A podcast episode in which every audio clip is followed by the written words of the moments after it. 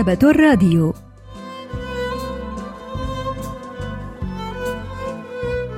أهلا وسهلا بكم في حلقة جديدة من البرنامج الأسبوعي مكتبة الراديو الذي نستعرض من خلاله كتابا جديدا كل أسبوع. واليوم سوف نستعرض قصة حكاية زوجة ثالثة للكاتبة إيم أوغ إن. لحظات ونوافيكم بالتفاصيل.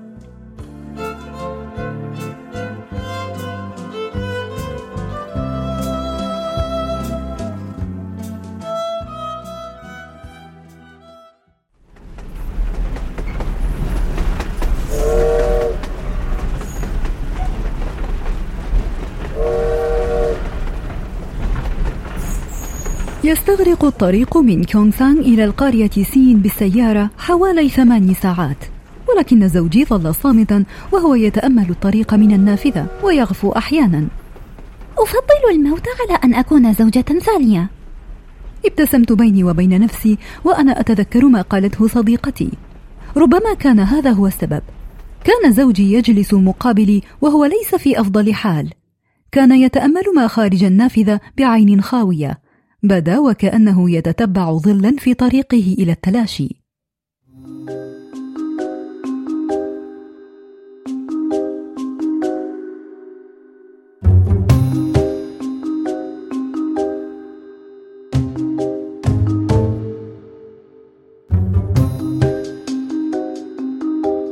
لن يكون هناك الكثير من المعارف في قرية سين.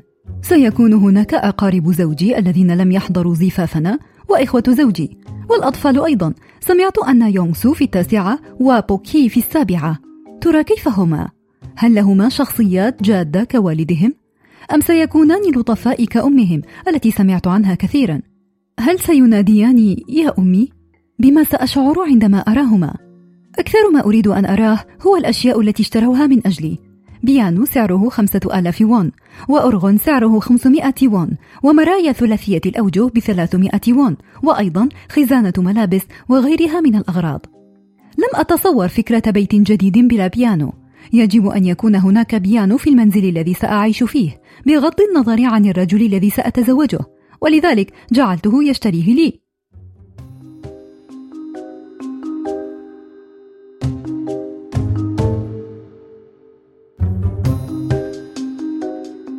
نشرت قصة حكاية زوجة ثالثة للكاتبة إيموجين عام 1940 وبطلة القصة هي معلمة في مدرسة فتيات في الثلاثين من عمرها وقد أصبحت الزوجة الثالثة لأحد الأطباء.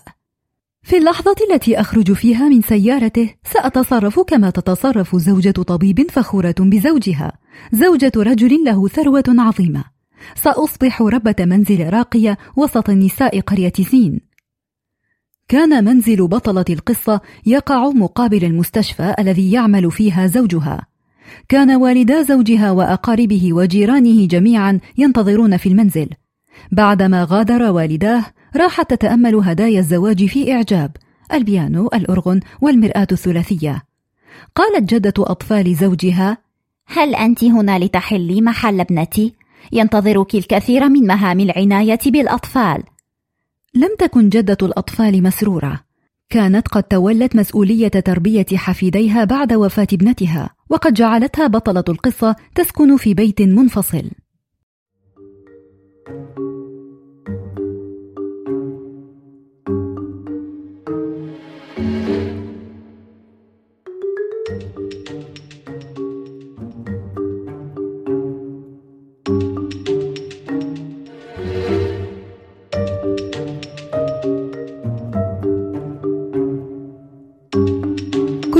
مستعدة لتلقي الكثير من الانتقادات بعدما اتخذت قراري بنقل الطفلين للعيش في منزلي. كنت أسير على أربع كالحصان إذا أرادا مني ذلك، وكنت أجلب لهما كل ما يطلبانه. كانت بوكي تدعوني بتلك المرأة في البداية، لكنها صارت الآن تناديني بأمي. منعتها من التواصل مع جدتها لأمها، وعلى حد علمي لم تزر الفتاة جدتها مطلقا، وإن كنت لست واثقة تماما من أنها لم تنتهز الفرصة أحيانا في الأوقات التي لم أكن منتبهة إليها فيها. طردت الخادمة التي كانت لا تتقن العمل وكانت قذرة ووقحة أيضا. هكذا لم يبقى في المنزل سوى نحن الأربعة زوجي وأنا والطفلان. لكنني كنت أقضي كل يوم في انشغال لأن الزوار لم ينقطعوا يوما. عندما كنت أتبضع لم أكن أشتري الطعام فقط. بل كنت أشتري حاجيات المنزل الأخرى كصابون الملابس ومناديل الحمام. كنت آتي بالماء من البئر العامة لأننا لم نكن نملك بئرا في باحة المنزل. عندما سحبت الماء من البئر للمرة الأولى ارتجف ذراعاي وآلمني ظهري ونثر الماء في كل مكان. ولكنني سرعان ما تعلمت أداء تلك المهمة بنجاح. لماذا لا نأتي بشخص آخر يؤدي لنا المهام المنزلية؟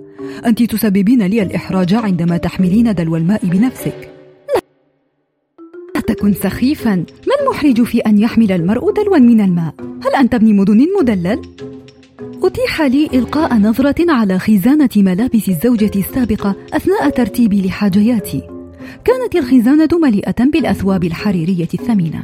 أما أنا فكنت أرتدي ملابس تناسب المهام المنزلية الشاقة. مزقت تنورتي كي أصنع فرشا لحشية الطفلين ووسادات للجلوس على الأرض. كنت أحاول التخلص من ذكرى الزوجة السابقة عن طريق استخدام كل شيء كان لها. ذات يوم وجدت البطلة صورة عائلية في مكتب زوجها غضبت حين رأت كيف كانت زوجته السابقة جميلة فعلا وكيف بدت الأسرة سعيدة وهكذا مزقت البطلة الصورة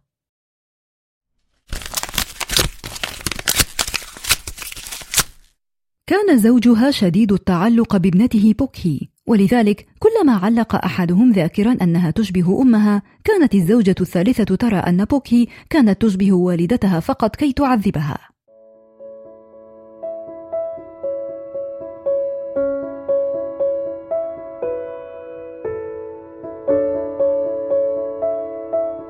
رغم كل شيء ظللت أساعدهم في الدراسة وأعد لهم وجبات الغداء الشهية. كانت ملابسهم الداخلية والعادية وفرشهم دائما نظيفة. حاولت أن ألبي لهم جميع رغباتهم في البداية لكنني بدأت في التخلص من عاداتهم السيئة الواحدة تلو الأخرى. صار عليهم أن يحيوا الكبار في أدب وأن يقولوا شكرا وأن يجلسوا في هدوء وألا يأكلوا الكثير من الوجبات الخفيفة وألا يأخذوا مالا دون إذن. علمتهم وربيتهم وقومتهم كي يصيروا أفضل. كان زوجها ممتنا لها. ولكنه كان أحيانا ما يوبخها إذا قدر أنها صارمة أكثر من اللازم. لماذا تعذبين الأطفال؟ هذا ليس صحيحا. كانت البطلة تبتسم ببساطة في تلك المواقف ولكنها كانت تجعل بوكي تدفع الثمن لأنها تشبه أمها بعد ذلك أو لأن مصيرها أن تصير محظيه رجل ما في يوم من الأيام. منذ أن صرت ربة هذا المنزل أصبحت أنفق ثلث ما كانت الزوجة السابقة وأمها تنفقانه في السابق. وكنت أحرص على إعداد إناء كبير من حساء لحم البقر وعصيدة الدجاج مرة كل شهر. كنت أشتري الطعام مرة كل خمسة أيام ولكنني لم أكن أشتري سوى المكونات المغذية الرخيصة. كنت أشعر بالرضا حين أنجح في تخفيض سعر الفلفل الأخضر أو القرع أو الخيار ولو حتى قليلا.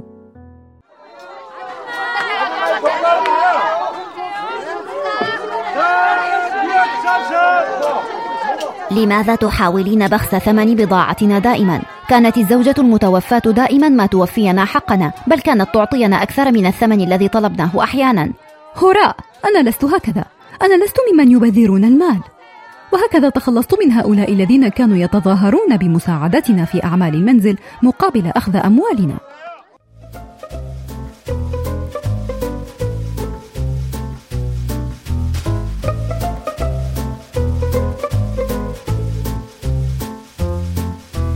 ذات مرة أرسلت إلينا حماتي علبة كبيرة من اللحم المملح من النوع المفضل لدى زوجي. أحببت مذاقه نيئا أو مطهوا مع عصيدة التوفو خلال ليالي الشتاء. كان لا يزال لدينا الكثير من البقايا. لم أرد أن أتخلص منها دون داع لذلك أخذت كل ما تبقى وبعته في السوق. لم تعد عائلة زوجي تهدينا أي شيء بعد سمعت بهذا الأمر. لا شك أن أخبارا تصف كيف باعت زوجة الطبيب المرموق اللحم المملح في السوق انتشرت كالنار في الهشيم في تلك القرية الصغيرة. قال أحد سكان البلدة: رغم أن الراحلة أوكسوك كانت ابنة جارية كيسينغ فقد كانت ألطف كانت تعرف كيف تنفق المال وتكرم الناس كان لجميعنا نصيب مما في ذلك البيت عندما كانت لا تزال على قيد الحياة صحيح؟ كانت ربة منزل لطيفة وماهرة كما كانت زوجته الأولى قبل أوسوك امرأة يعتمد عليها رغم أنها لم تكن متعلمة. أما هذه فخبيثة جدا. ولكنها تحسن العناية بالطفلين. هذا ما يجب عليها وإلا انتهى أمرها. كانت الزوجة الثالثة مجتهدة ومقتصدة ولكن أهل القرية لم يحبوها. الناقدة الأدبية جون سو يونغ تشرح لنا المزيد عن هذه الشخصية. 작중에서 흥미로운 부분은 전처와 나가 계속 비교가 되고 있다는 점입니다. ظل الناس يقارنوها بزوجتي الطبيب السابقتين.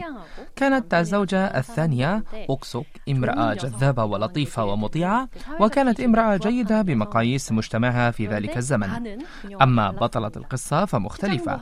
لم تكن مهتمة بالمظاهر وكانت تتبع قوانينها الخاصة ومقاييسها وهو أمر لم يعجب أهل القرية.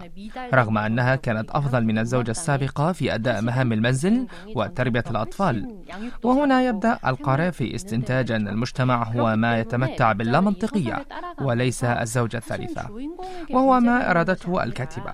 وقد سادت صورة للمرأة المثالية في أذهان الناس في فترة الاستعمار الياباني لكوريا.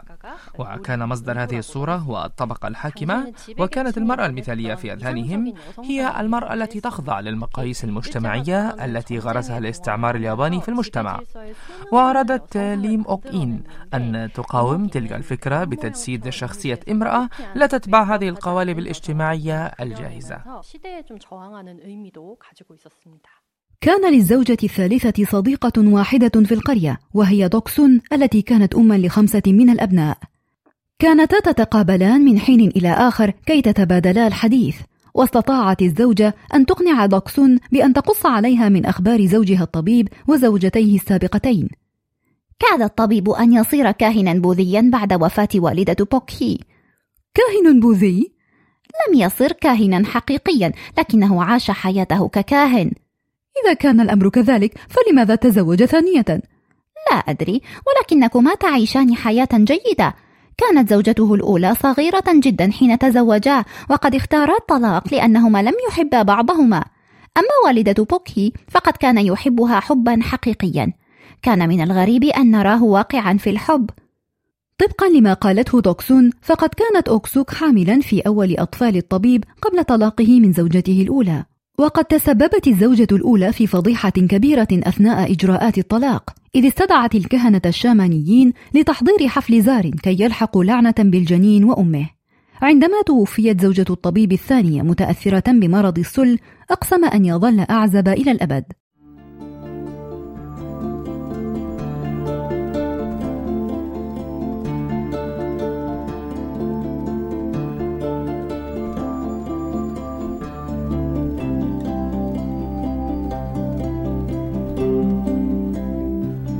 بعد زواجنا كان أحيانا ينام في غرفة صغيرة ملحقة بمكتبه.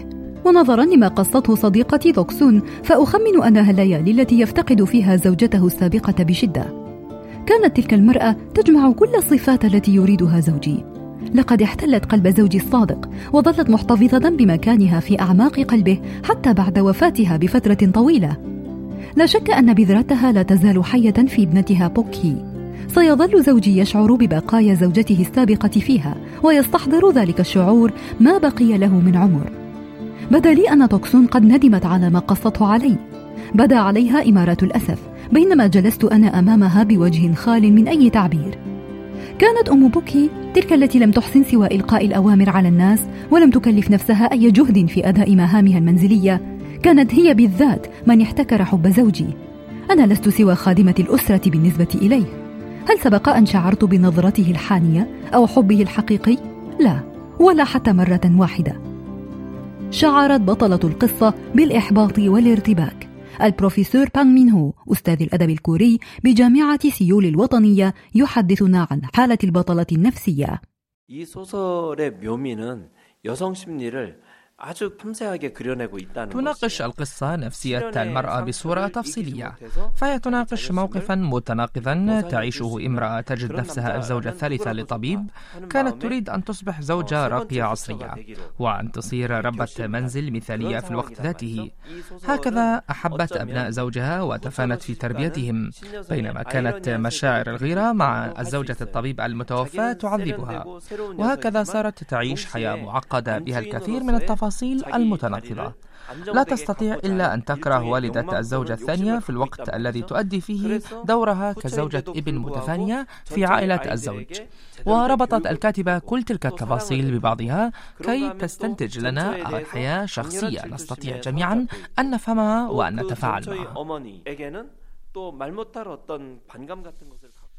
منذ ذلك اليوم قطعت بطلة القصة علاقتها بصديقتها الوحيدة في القرية ولكنها لم تشعر بالوحدة على الإطلاق. كنت أستمتع بالعمل. كان بوسعي أن أحتقر الآخرين لأنني كنت زوجة طبيب ثري. كان بوسعي أن أتخلص من جميع قيود المحافظة على الروابط الاجتماعية. صرت أكثر ارتباطا بالآلات الموسيقية وماكينة الخياطة والملابس وممتلكاتي الأخرى. كنت سعيدة لأنني على قيد الحياة. ولأنني أستطيع أن أعمل. كما كانت تشعر بالفخر لأسباب أخرى أيضا. كان ابنا الطبيب يونغ سو وبوكي متفوقين في المدرسة. قال زوجها لقد أبليا بلاء حسنا حقا. لم يستطع زوجي أن يترك شهادتي الدرجات الخاصتين بهما إذ كتب فيهما أن يونغ سو جاء في المركز الثالث على زملائه بينما احتلت بوكي المركز الخامس. لم يفعلا هذا بجهودهما فقط كان هذا بفضلي.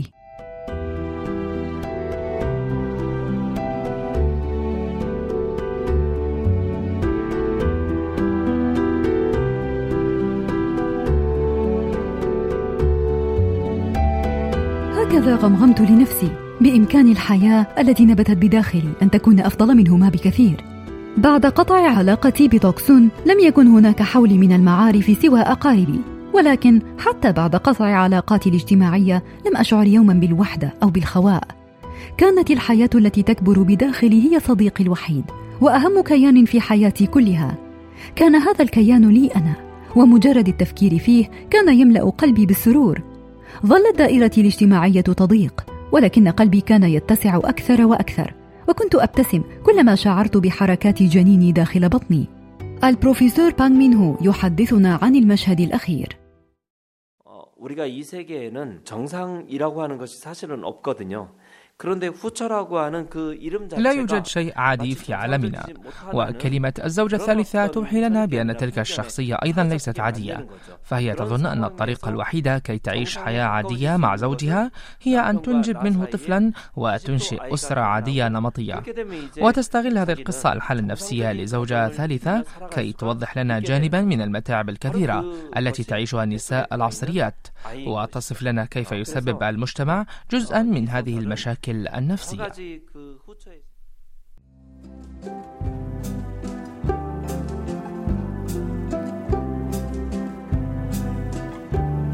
استعرضنا معا قصة حكاية زوجة ثالثة للكاتبة إيموجين وإلى اللقاء في الأسبوع القادم مع كتاب جديد ومبدع جديد.